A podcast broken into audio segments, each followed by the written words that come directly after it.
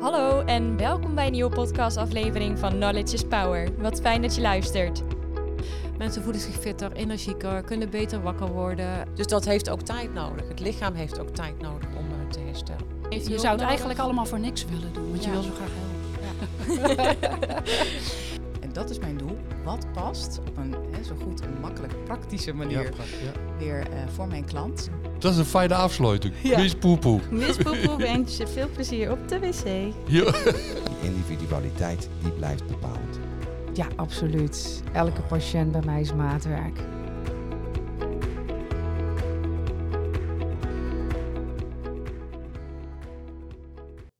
Hallo, hartelijk welkom bij een nieuwe aflevering van Knowledge is Power. Vandaag zit ik hier met een collega uit het Rotterdamse en het Utrechtse. Uh, met Nejat Hadouche. Ik hoop ik heb het goed uitgedrukt, uitgesproken, Nejat. Ja, helemaal goed. Heel goed. heel goed, in één keer. ja, ja nou, ik heb lang geoefend, heel lang geoefend. Oh, mooi. Uh, Nejat is ook al uh, lange klant bij RP en bedient een grote groep aan klanten. En ze is helemaal bekend door de Kuppingkliniek. Zij heeft een Kuppingkliniek in het Rotterdamse en nu ook in het Utrechtse. Nu in Utrecht zelf. Ik was een keer te gast, dus zeer centraal gelegen.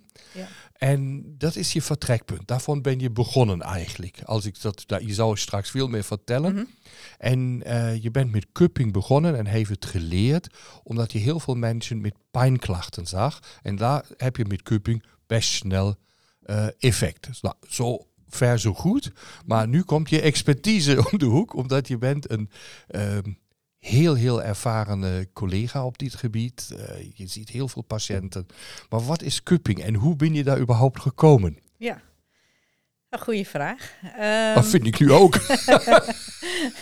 nou, dan moeten we helemaal terug naar, uh, naar 2017. Oh. Nee, sorry, 2007. Wow, 2007, 2007 dat is lang terug. ja, dat is uh, ja. inderdaad heel lang terug. Ik werkte toen als uh, sociaal-psychiatrisch uh, verpleegkundige ja. in de GGZ.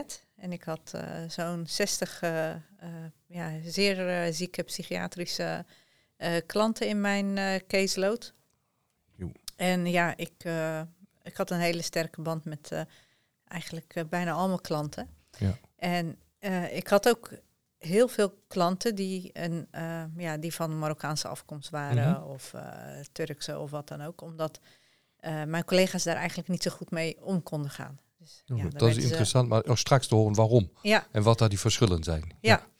Dus die werden eigenlijk uh, naar mij toe uh, geschoven. Van, zo van, nou ja, jij uh, komt ook uit ja. oh, nou, die cultuur. maar regelen. Dus, ja. Jij weet wel hoe je daarmee om kan gaan. Ja. En nou ja, zodoende merkte ik eigenlijk dat veel van mijn klanten die dus ja, een andere afkomst hadden... Ja. dat die toch wel anders omgingen met ziekte en gezondheid. Dat is interessant. Ja. Dat, nou, dat... Uh... Dus, uh, ja, dat was zeker interessant. Ook voor mij om te zien hoe uh, mensen dan naar ziekte en genezing zochten. Hoe moet ik mij daar voorstellen dat ze anders daarnaar kijken? Wil ik zeg, heb je buikpijn, heb je buikpijn? Weet je, dan denk ik misschien ja, heel simpel. Ja, dat zou ik denken. dat zou je denken. ja. ja. Maar dat is niet zo. Want um, ja, vooral binnen de Marokkaanse en Turkse cultuur, maar je hebt dat ook binnen de Surinaamse cultuur...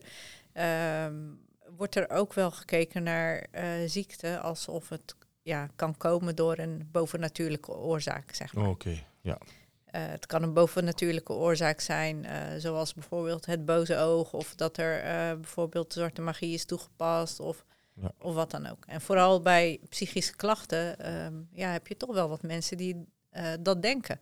Oké, okay.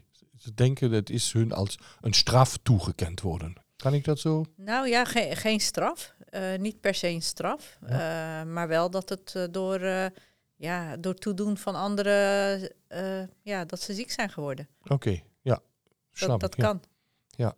En dan zag je dus ook dat sommige mensen, die, die zochten dus naar genezing op ja, manieren die ik toen de tijd ook niet echt kende. Ja. Dus dan gingen ze bijvoorbeeld naar een ja, een geneesheer en dan uh, kregen, kregen ze wat kruiden die ze dan moesten drinken. Of ze moesten bepaalde rituelen uh, toepassen ja. om beter te worden. Ja.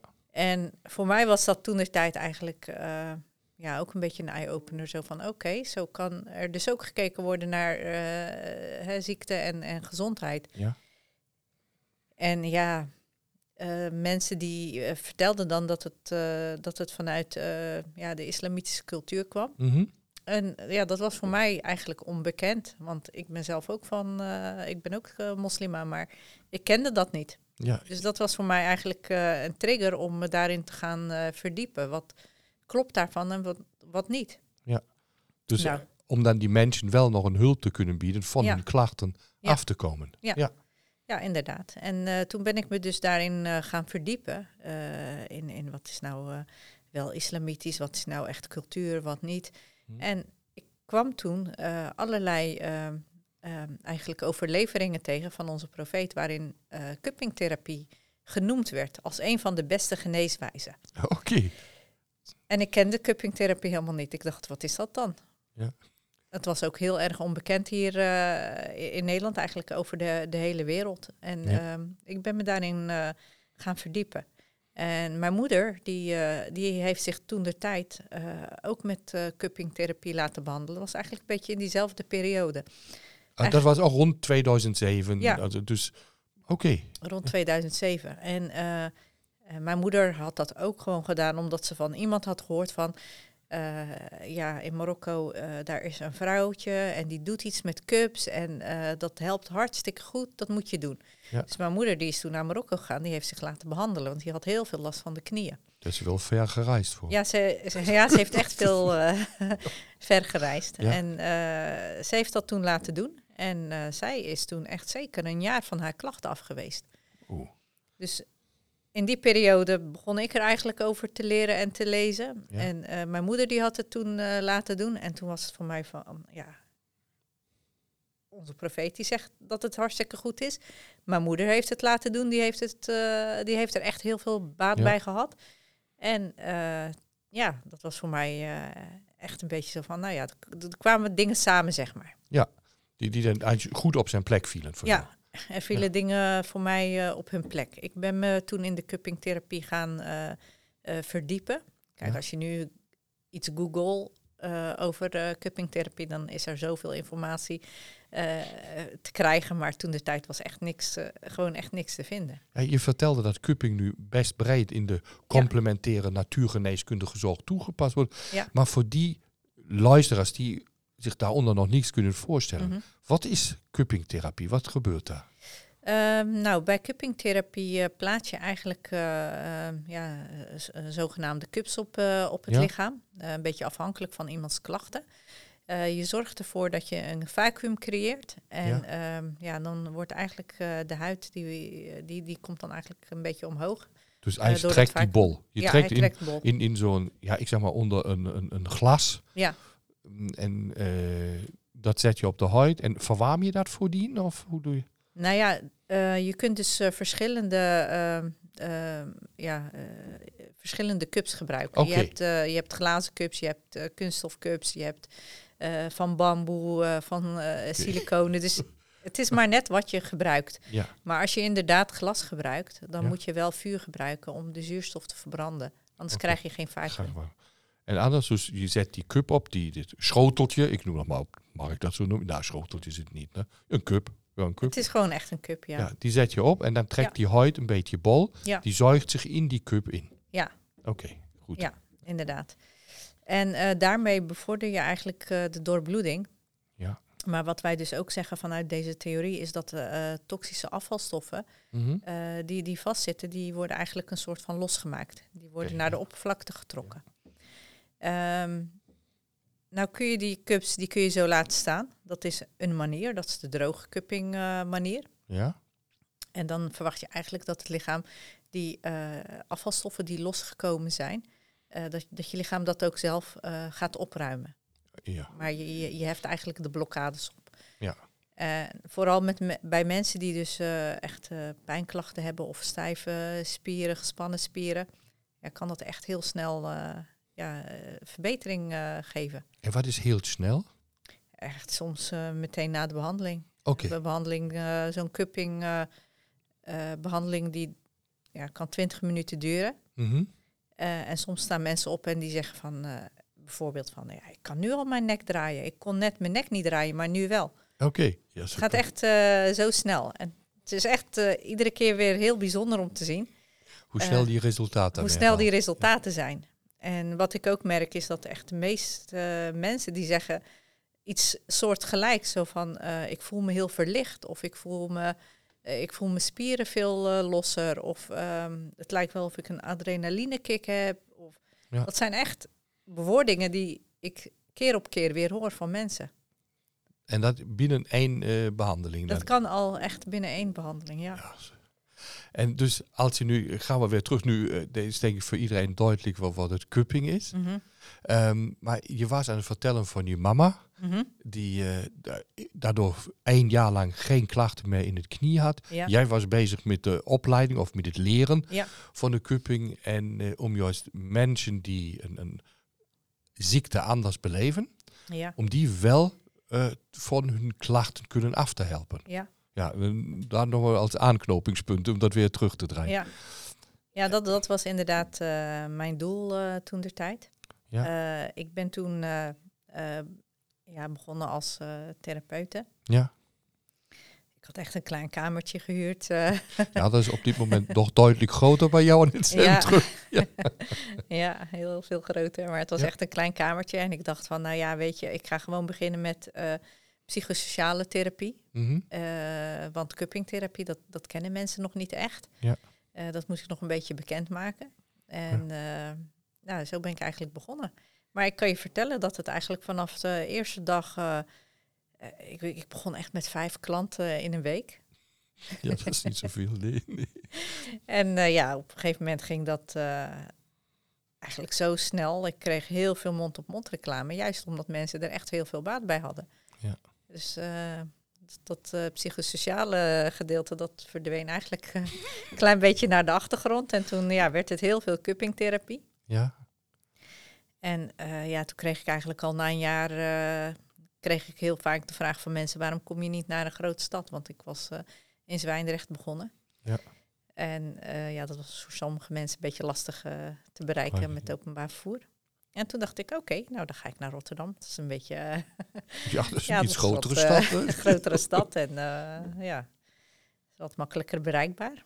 Ja. En eh, ja, zodoende, zodoende ben ik eigenlijk naar een praktijk gegaan met twee behandelkamers en een zitkamer, wachtkamer. En van daaruit ben ik eigenlijk na weer een jaar ben ik weer verhuisd naar het pand waar ik nu nog steeds in Ja. zit. Ja, en daar heb ik echt vijf behandelkamers. En ja, en dan eh, sinds vorig jaar ook in Utrecht. Ja, omdat daar was ik te gast geweest. Daar heb je ook voldoende ruimte ter beschikking om mensen te kunnen ondersteunen Ja, in hun gezondheidsprocessen. Ja. En ehm, je hebt ook collega's opgeleid daarin, in Mhm. het cupping. En mensen of collega's kunnen bij jou ook het cupping gaan leren. Ja, zeker. Eh, nou ja, jou hebt dat zeker compleet in je vingers. Mhm. En eh, hoe stel je vast waar je die, die cups moet zetten? Dat doe ik eigenlijk aan de hand van de, van de klachten. Oké. Dus ik ga natuurlijk eerst eh, met mensen een intake eh, afnemen. Ja. Eh, we kijken wat er aan de hand is en ja, welke problemen mensen hebben. Tijdens zo'n intake ja, wordt me natuurlijk soms ook wel duidelijk dat er gewoon wat meer zaken spelen. Hè. Vandaar dat ik ook met jullie Ja. samenwerk. Hè. Want ja, dan komen we erop dat mensen toch wel wat meer onderzoek nodig hebben. Of dat we misschien aan, ook aan andere dingen moeten werken. Ja. Eh, maar ja, tijdens de intake bepalen we dat allemaal. Dus, en de basis is van alles is de cuppingtherapie die je doet. Ja, En in, eh, wat je zei is eh, dat jouw patiënten gedeeltelijk een andere kijk, ik weet niet of ik Mhm. dat nu goed voor woord, naar de kijk op hun lichaam hebben, naar het waarnemen van klachten. mhm. Ja, waar ik dan heel bot zeg, knie doet zeer, buik, rug doet Mhm. zeer. ja, Dan zeg je ja, maar daar is een andere beleving over. Ja. En ehm, hoe pak je dat dan aan? Kijk, voor jou was het ook nieuw. ja. Ja, maar hoe ga je dan daarmee om? Hoe kan je hun dan goed begeleiden Mhm. dat ze de klachten, nu maar behalve voor cupping, Ja. kunnen verhelpen? Ja. Ehm, nou ja, ik heb eigenlijk eh, een beetje de, eh, de, heb eigenlijk altijd tegen de mensen gezegd van, weet je, het maakt eigenlijk niet...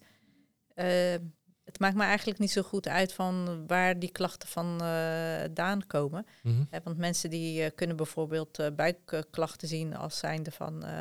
ik heb bijvoorbeeld zwarte magie ge- gegeten of gedronken of Ja, wat dan ook. ja. Iets. iets. Dat, dat kan zo zijn, dat ga ik niet ontkennen. Ja. Hè, dat, dat kan. Dat, dat is misschien mogelijk. Maar hoe kunnen we nou van jouw klachten afkomen? Dat is mijn uitgangspunt. Oké, je vertrekt van het heden Ik en vertrek niet van, van, van het, het leden. ik van het vertrek van het heden. verleden. Oké. Ja. En eh, natuurlijk zit er soms ook wel een stukje, ja, hoe moet ik het zeggen, toch wel een stukje psychosociale therapie bij. In de zin van dat mensen toch daar wel over willen praten. eh, hoe ze dan eh, die, die zwarte magie hebben opgelopen. Of Ja. hoe dan. Ja. Ja, kan soms zo zijn dat ze problemen hebben met schoonfamilie of met zoiets. Maar Ja, maar dat ken je, uit wel de psychosociale therapie, ken je dat? Ja. Toch? Dat is er dan, Ja. ja, ja dat is ja, dan niks nieuws. Nee, dat is niks nieuws. Dus eh, ja, daar doe ik dan eh, eh, op die manier iets mee. Maar Mhm. voor de rest is het echt van, oké, ehm, weet je, het maakt niet zoveel uit hoe je eraan gekomen bent, maar je hebt nu problemen. Hoe kunnen we er vanaf komen en hoe kunnen we eigenlijk eh, alles goed in kaart brengen van wat er eh, aan de hand is, hè, door middel van bijvoorbeeld onderzoeken of wat dan ook.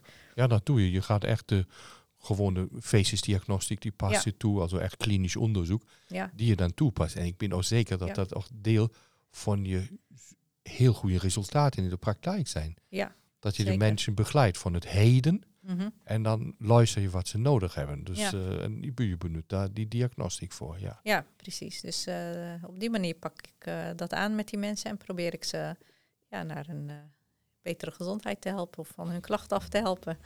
Ja. ja. En welke obstakels kom je daar tegen?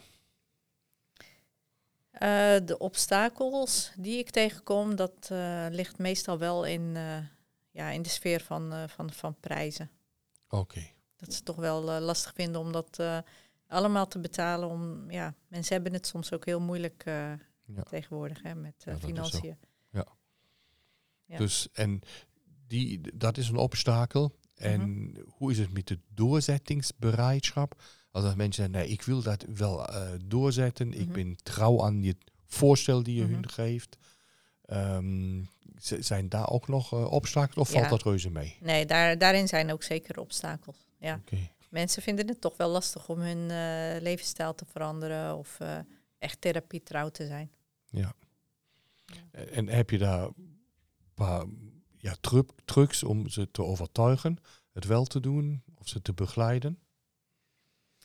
Ja, ik, eh, ik heb niet echt eh, trucs. Ehm, je probeert natuurlijk mensen wel te overtuigen eh, van het belang om dat wel te doen.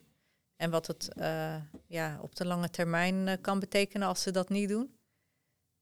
Ja. En dat ze dus eigenlijk wel een keuze hebben in van hoe, eh, ja, hoe, hoe word je zeg maar oud? Word je redelijk fit en gezond oud? Of blijf je op deze manier doorgaan en ja, Je blijft de blijf klachten je behouden. je klachten houden of ze zullen verergeren? Dus dat is dan net zo onafhankelijk van de overtuiging, is dat overal hetzelfde. Ja, De Ja. leefstijl en het Ja. doorzetten, dat blijft, blijft een item. ja, dat blijft altijd een item. Dat blijft. Daar zijn we mensen voor, denk ik. Ja. inderdaad, ongeacht. eh, En hoe ouder een mens is, hoe moeilijker voor hem het is eh, de gewoontes achterwege te laten. ja, absoluut. Dat, dat is zo. Vooral voedingsgewoontes, dat is, echt, eh, dat is echt wel lastig als mensen wat ouder zijn. Ja. Ja, bij eh, bijvoorbeeld binnen de Marokkaanse cultuur wordt er eh, echt ontzettend veel brood gegeten, ja, bijvoorbeeld. dat vertelde je een keer. En dat, Ja. ik, dat had ik helemaal niet op het netvlies. denk ik, ja, hoe dan? Ja, ja, e- eigenlijk wordt overal brood bijgegeten. Dat is een beetje je bestek als het ware. maar eh, ja, vooral die oudere generatie. eh, En hoe Ja. pak je... Kijk, dat is natuurlijk dan echt een item. ja, Kijk, hier kan je zeggen, nou, dan koop je ander brood of je laat het weg of je doet wat. Ja. Maar als het dan ook in het, ja, hoe moet ik zeggen, in het nuttigen van voeding al inbegrepen is. Je zegt, het is bijna het bestek daarvan. ja, Dus eh, ja, hoe ga je dan daarmee om? ja. En ja. wat geef je voor alternatieven? Dus dat is interessant nu voor, voor luisteraars. En, Mhm. oh, daar kan ik aan denken, dat kan ik wel doen. Ja, ik probeer ze dan. eh, kijk, er zijn gewoon mensen die zeggen van ja, eh, ik kan echt niet zonder brood leven. Dat is, eh, dat is eh, onmogelijk. Ja, dan probeer ik wel altijd alternatieven aan te geven van oké, ehm, is het dan eh, misschien beter om een andere soort brood te nemen? Oké. bijvoorbeeld zuurdesembrood of wat dan ook. En vooral binnen de Marokkaanse cultuur zie je dat de oudere generatie nog wel hun eigen brood kan bakken.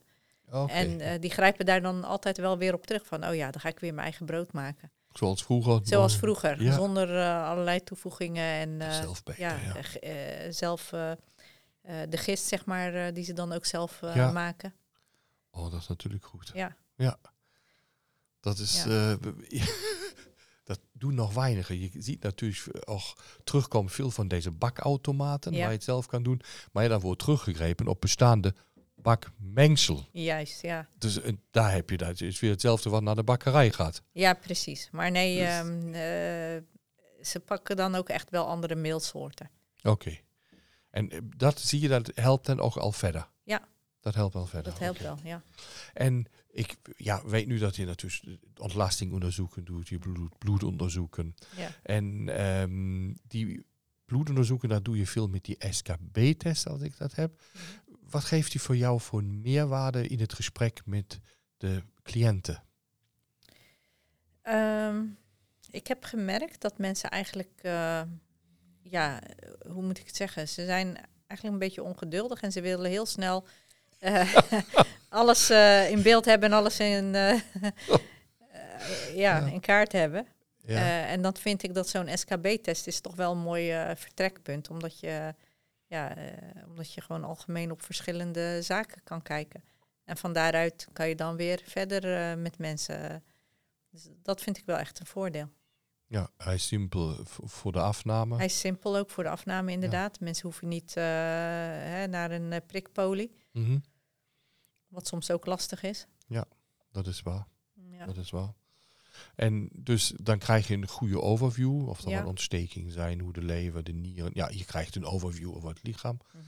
waar er mogelijke mankementen zijn. ja. En dan ga je door met facesanalyse, dat ontlastingsonderzoek. Ja. En eh, komt binnen nu, je zegt de Marokkaanse gemeenschap of Turkische gemeenschap, zie je daar verschillen eh, die door het voedingsgebruik, wat daar weer, ik ken niet wa- wat er bijzonder anders gegeten wordt, maar Mhm.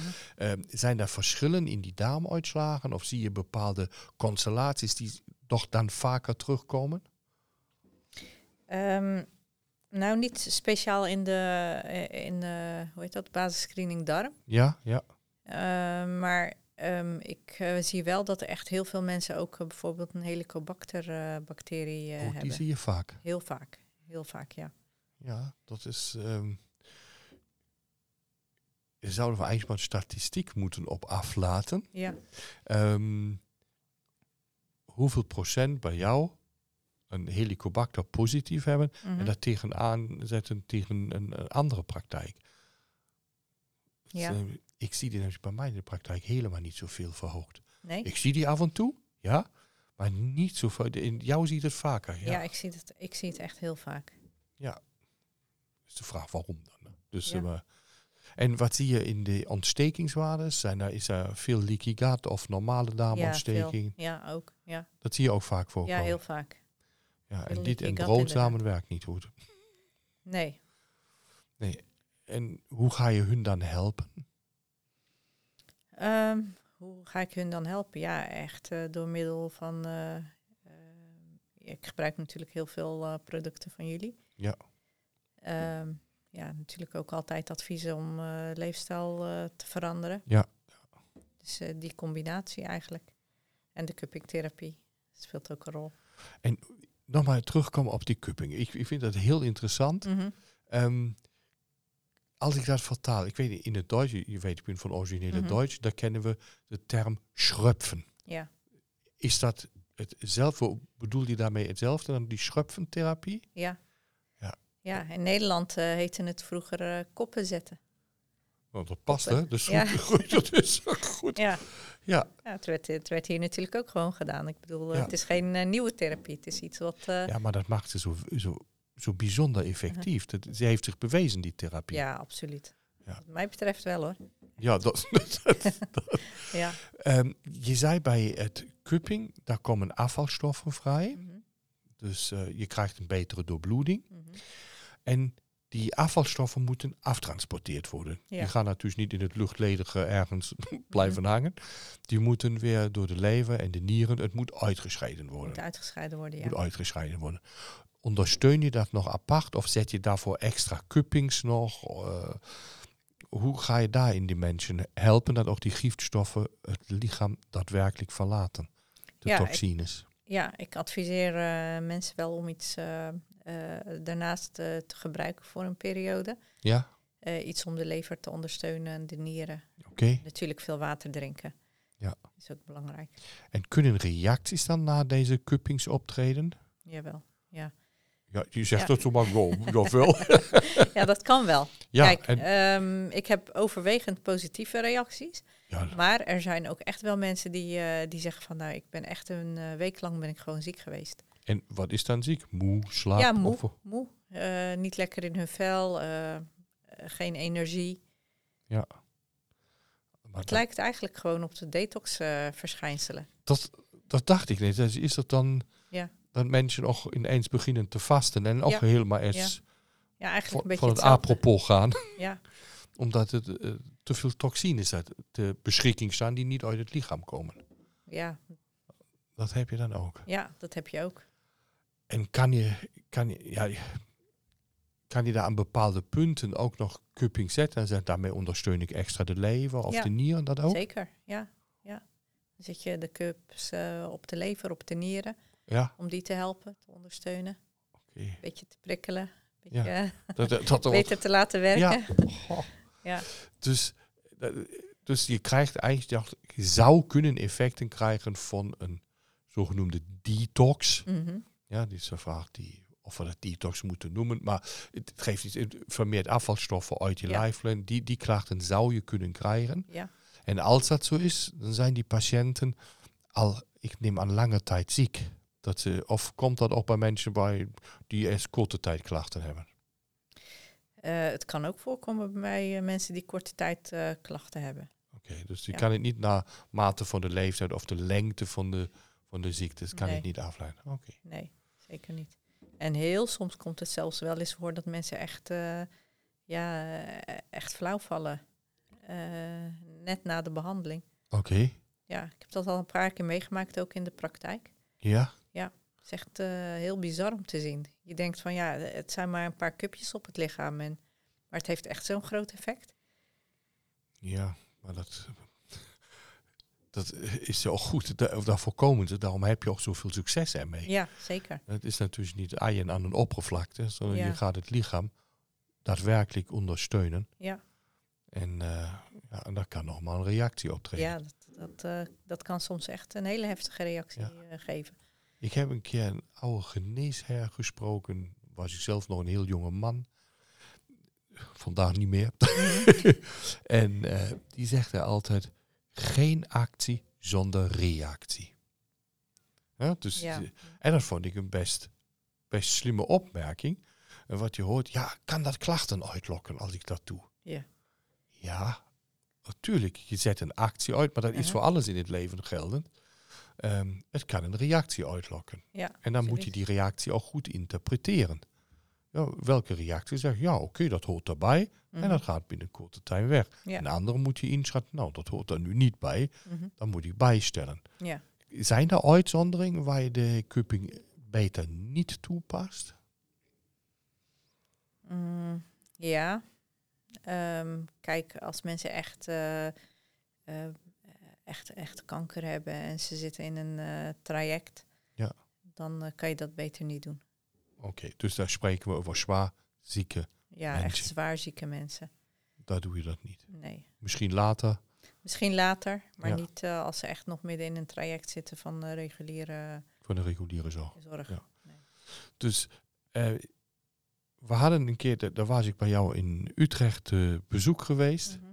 En daar vertelde je, je ziet ook veel dames met hormonale klachten. Ja, heel Met een veel. endometriose. Ja. Zo vertelde en zei, daar pas je ook cupping toe. Ja. En dat dat een ehm, best positieve effect heeft. Ja. En vond ik uiterst opmerkelijk. En denk ik, nou, daar zou je, als dat bekend wordt, zeg je, hoe gaat het? Daar, daar zouden nog dan heel veel patiëntinnen dan Mhm. eh, pas- eh, positieve effecten van mogen beleven.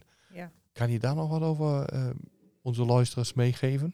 Ja, we passen inderdaad ook bij eh, dit soort klachten passen we de cuppingtherapie eh, toe. Ja, En eh, ja, dan, hè, dan werken we voor, echt ook ja, op de lever, maar ook op de baarmoeder. bij de baarmoeder, bij de eierstokken. Ja. En dan zie je dat mensen echt vermindering van klachten hebben. Dus dan kan je denken aan vermindering van buikpijnen, vermindering van heftige menstruaties. Bij PCOS bijvoorbeeld Ja. eh, ehm, kun je juist, eh, eh, hoe heet dat, de menstruatie ook weer opwekken. Kijk, we weten van, van heel veel dingen helemaal niet hoe het werkt. Maar ja, dat het werkt en dat we dat echt kunnen bereiken, dat is wat we zien. geen actie zonder reactie. Ja, precies. Dus je zet een actie uit Ja. en het werkt. En dan ga je echt ook daar in het bereik van de lever, van de eierstokken, daar ga je die cups dan zetten. ja. En, je, gaat, eh, eh, je kan daar ook mee masseren, hè? je kan daarmee bewegen. ja. Dus je verbetert eigenlijk de doorbloeding in de baarmoeder. eh, je maakt eigenlijk ook verkleving een beetje los. Ja, je, je doet eigenlijk best wel wat met die cups. Ja, dat ben ik dus heftig van overtuigd. Ehm, en benut je dan ook achteraf nog oliën of die, die je ook nog toepast? Ja, ja je kunt eh, eigenlijk verschillende olieën toepassen. Eh, je kunt eh, eh, gewoon olijfolie toe, eh, toepassen. Dat is, eh, ja. Er zitten ook gewoon eh, stoffen natuurlijk in die Ja. eh, eh, genezend zijn. Maar je kan ook eh, bijvoorbeeld eh, met castorolie werken. Ja, want eh, vooral bij eh, endometriose zijn eh castorolie-pakkingen zijn heel goed. Hè? Oh, dat weet eh, ik niet. Dus, je dat niet? Nee. Nee, da- da- daarom ben je hier. ja. ja, die zijn er heel goed voor om eh, eigenlijk, eh, eh, hoe heet dat, die, die, die overgroei eh, van de weefsel een beetje Ja. eh, los, te, eh, los te maken. Maar ook bij mensen die, eh, hoe noem je dat, die eh, polypen? ja, Polypen, ja. Of vleesbomen. vleesboom, ja. vleesbomen. Ja. is dat ook eh, heel goed om castorolie-pakkingen in te zetten. Dus als je dat, eh, die, die castorolie met een cuppingtherapie combineren, is echt eh, heel krachtig. Toch. Ja. Hoeveel, thera- of hoeveel eh, zittingen heb je dan nodig, gemiddeld? Dat Ja, is altijd zo'n vraag, hè? Hoeveel heb je genoeg? Dat is natuurlijk iedereen verschillend, maar... Ja, Dat is voor bent- iedereen verschillend. Wat ik net al zei, echt, we zien al na één behandeling kunnen we soms zien we vaak resultaten. Maar ik adviseer altijd drie behandelingen. Eh, want ja, heel veel die zien eigenlijk na een eerste behandeling al heel veel resultaat. Hm. En sommige mensen die zeggen van ja, ik heb wel iets, iets eh, van verschil gemerkt, maar nog niet helemaal. Maar pas na drie behandelingen kun je echt zeggen van nou, eh, het begint echt iets te doen of niet. En dan kan je bepalen van gaan we door of ja, sommige mensen die zeggen van ja, ik merk er eigenlijk helemaal niks van, dan kan je ook stoppen. kan je ook stoppen. Dus je hebt een aanloop nodig. Mhm, Ja, of je hebt direct, als ik het samenvat, een, een directe reactie. mhm, Of je hebt een, een aanloop nodig van drie eh, zittingen. Ja, Om dan te beoordelen, doet het wat voor je lijf? Ja. Dat wel. Nou, gezien je succes doet het heel veel voor Mhm. mensen, positief. mhm. Ehm, en je hebt het mensen ook geleerd. Die werken nu bij jou ook in het instituut, in de kliniek, in de Kuppingkliniek. Ehm, en doe jij altijd die intakes of doen hun dit ook? Nee, zij doen ook gewoon de intakes. Doen de intakes. Ja. Dus je bent niet meer met iedereen zelf. Nee, Moet je eh, aan de haal gaan. nee, niet. Nee, Nee. we doen het samen. Ja, dat is, dat is prima. Dus Ja. eh, zo kan je veel meer mensen helpen.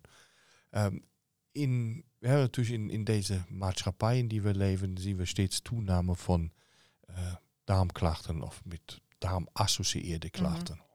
Nou, die zie je uiteraard, zoals je vertelde, ook. En eh, je doet veel darmonderzoeken.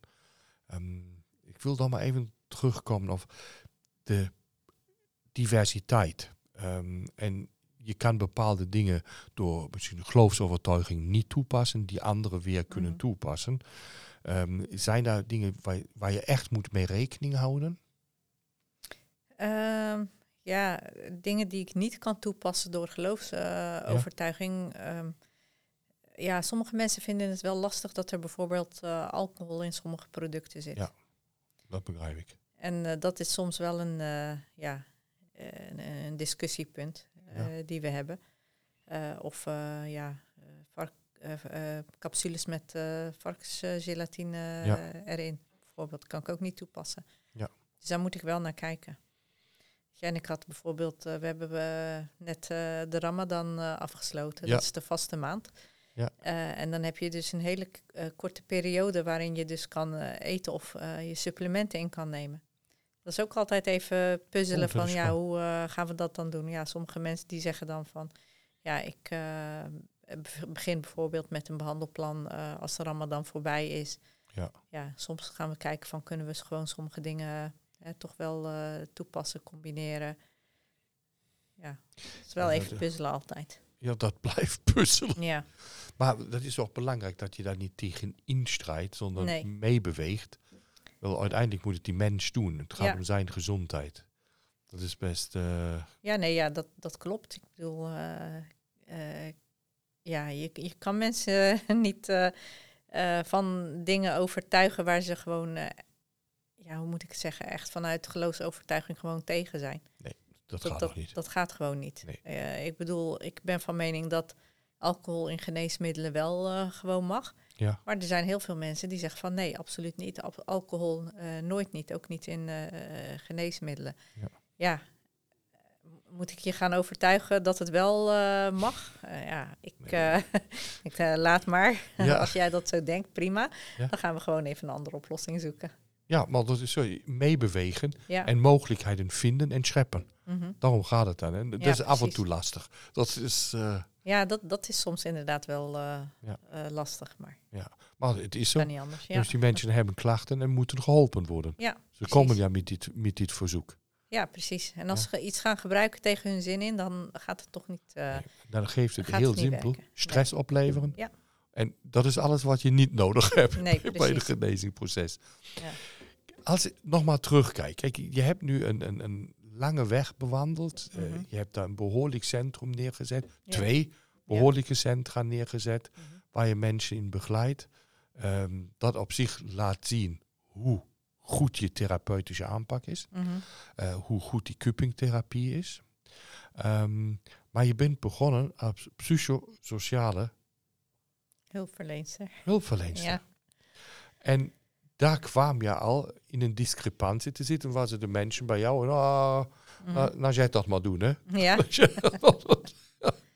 ja, toen ik in de GGZ werkte. ja, in de. GGZ ja, werkte. Ja, dat, vind ik echt eh, enorm. ja. Ehm, en dit werk wat je daar geleerd hebt, heeft je natuurlijk een hele basis gegeven. ja.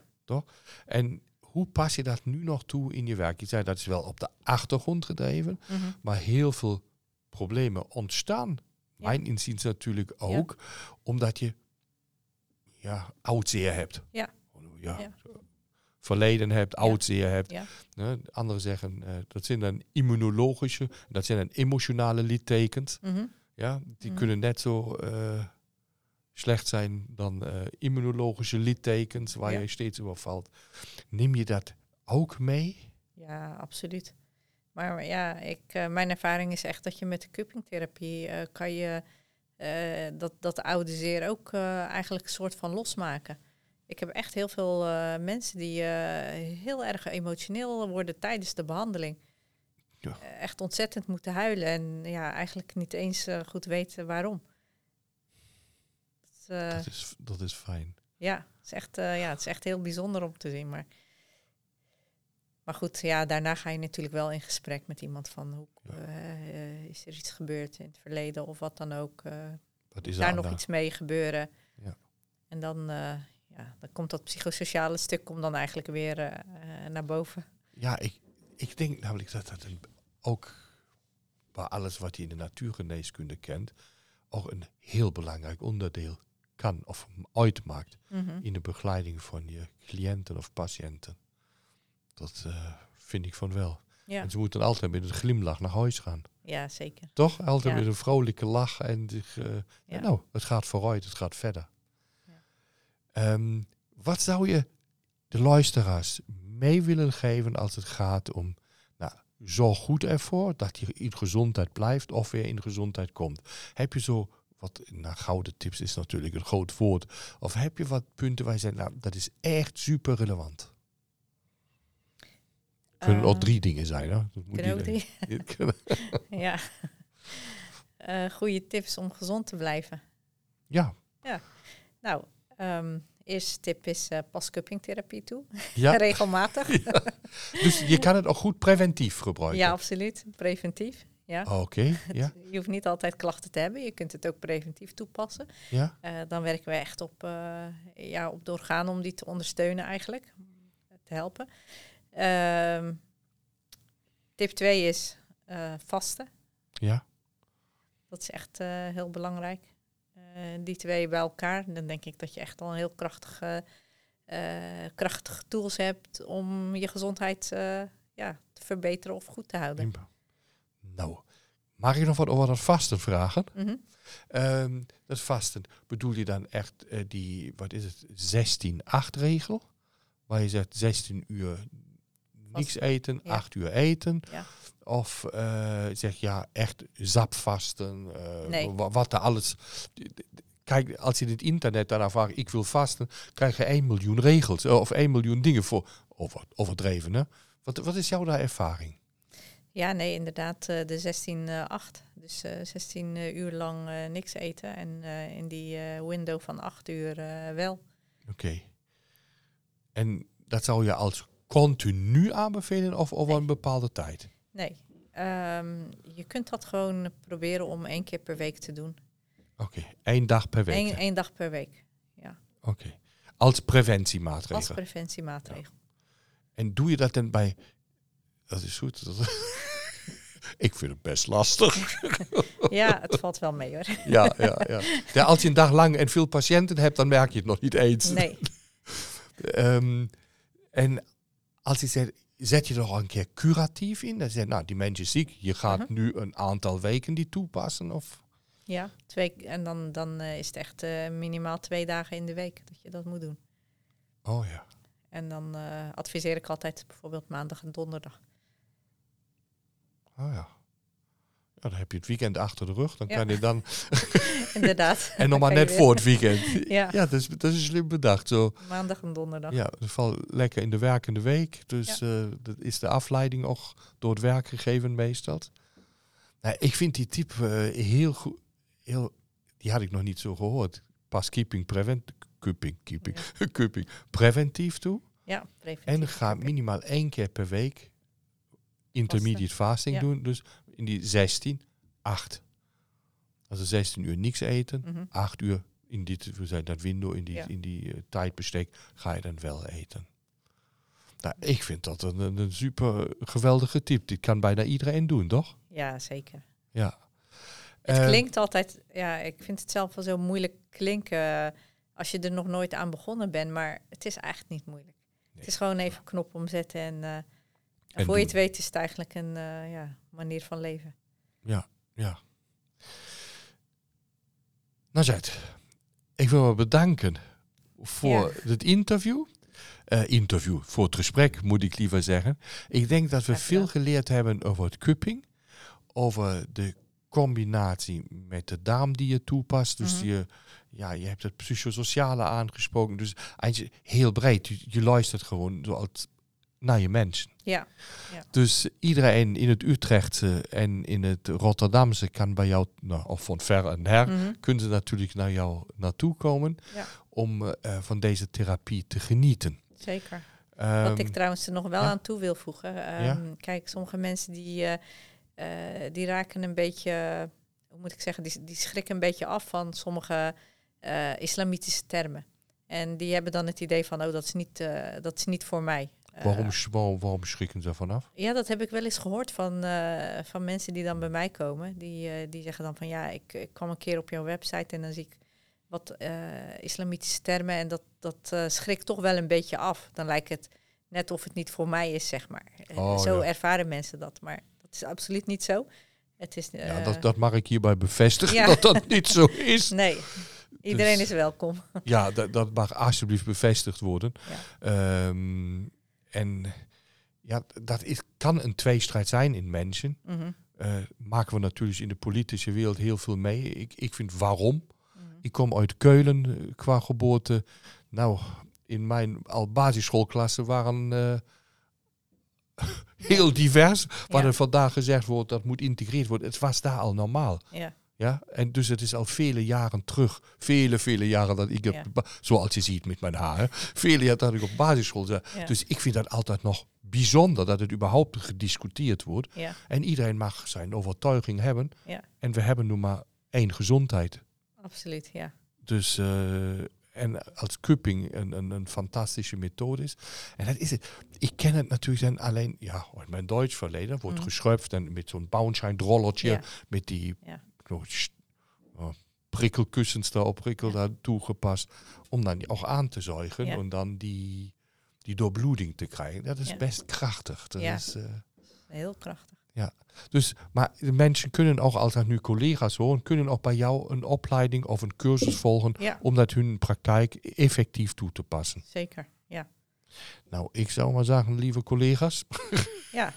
heb je interesse, laat het me weten. ja, ja, dus je vindt naar uh, Zet Hadouche dus onder Cupping Center. Cupping, nee, Cupping Center heb ik verkeerd gezegd. Ja, ik denk ehm, eh, de website is www.hiyama-en-cupping.nl. Dat is... Hiyama, dat is het Arabische woord voor cupping. Oké, nou zie je, daar heb ik nog weer wat geleerd. Precies. Ik heb sowieso veel geleerd. Nou, ik wil wel hartelijk bedanken voor het gesprek en voor deze twee toppen tip, eh, super tips. Doe vasten. Doe dat één keer per week. Mhm. Eh, doe regelmatig cupping als preventie. En dan blijf je redelijk in balans in je lijf. Ja. Dankjewel. En die tijd die je genomen hebt van Rotterdam hier naar Goes te komen. Jij ook bedankt. Ja, dankjewel.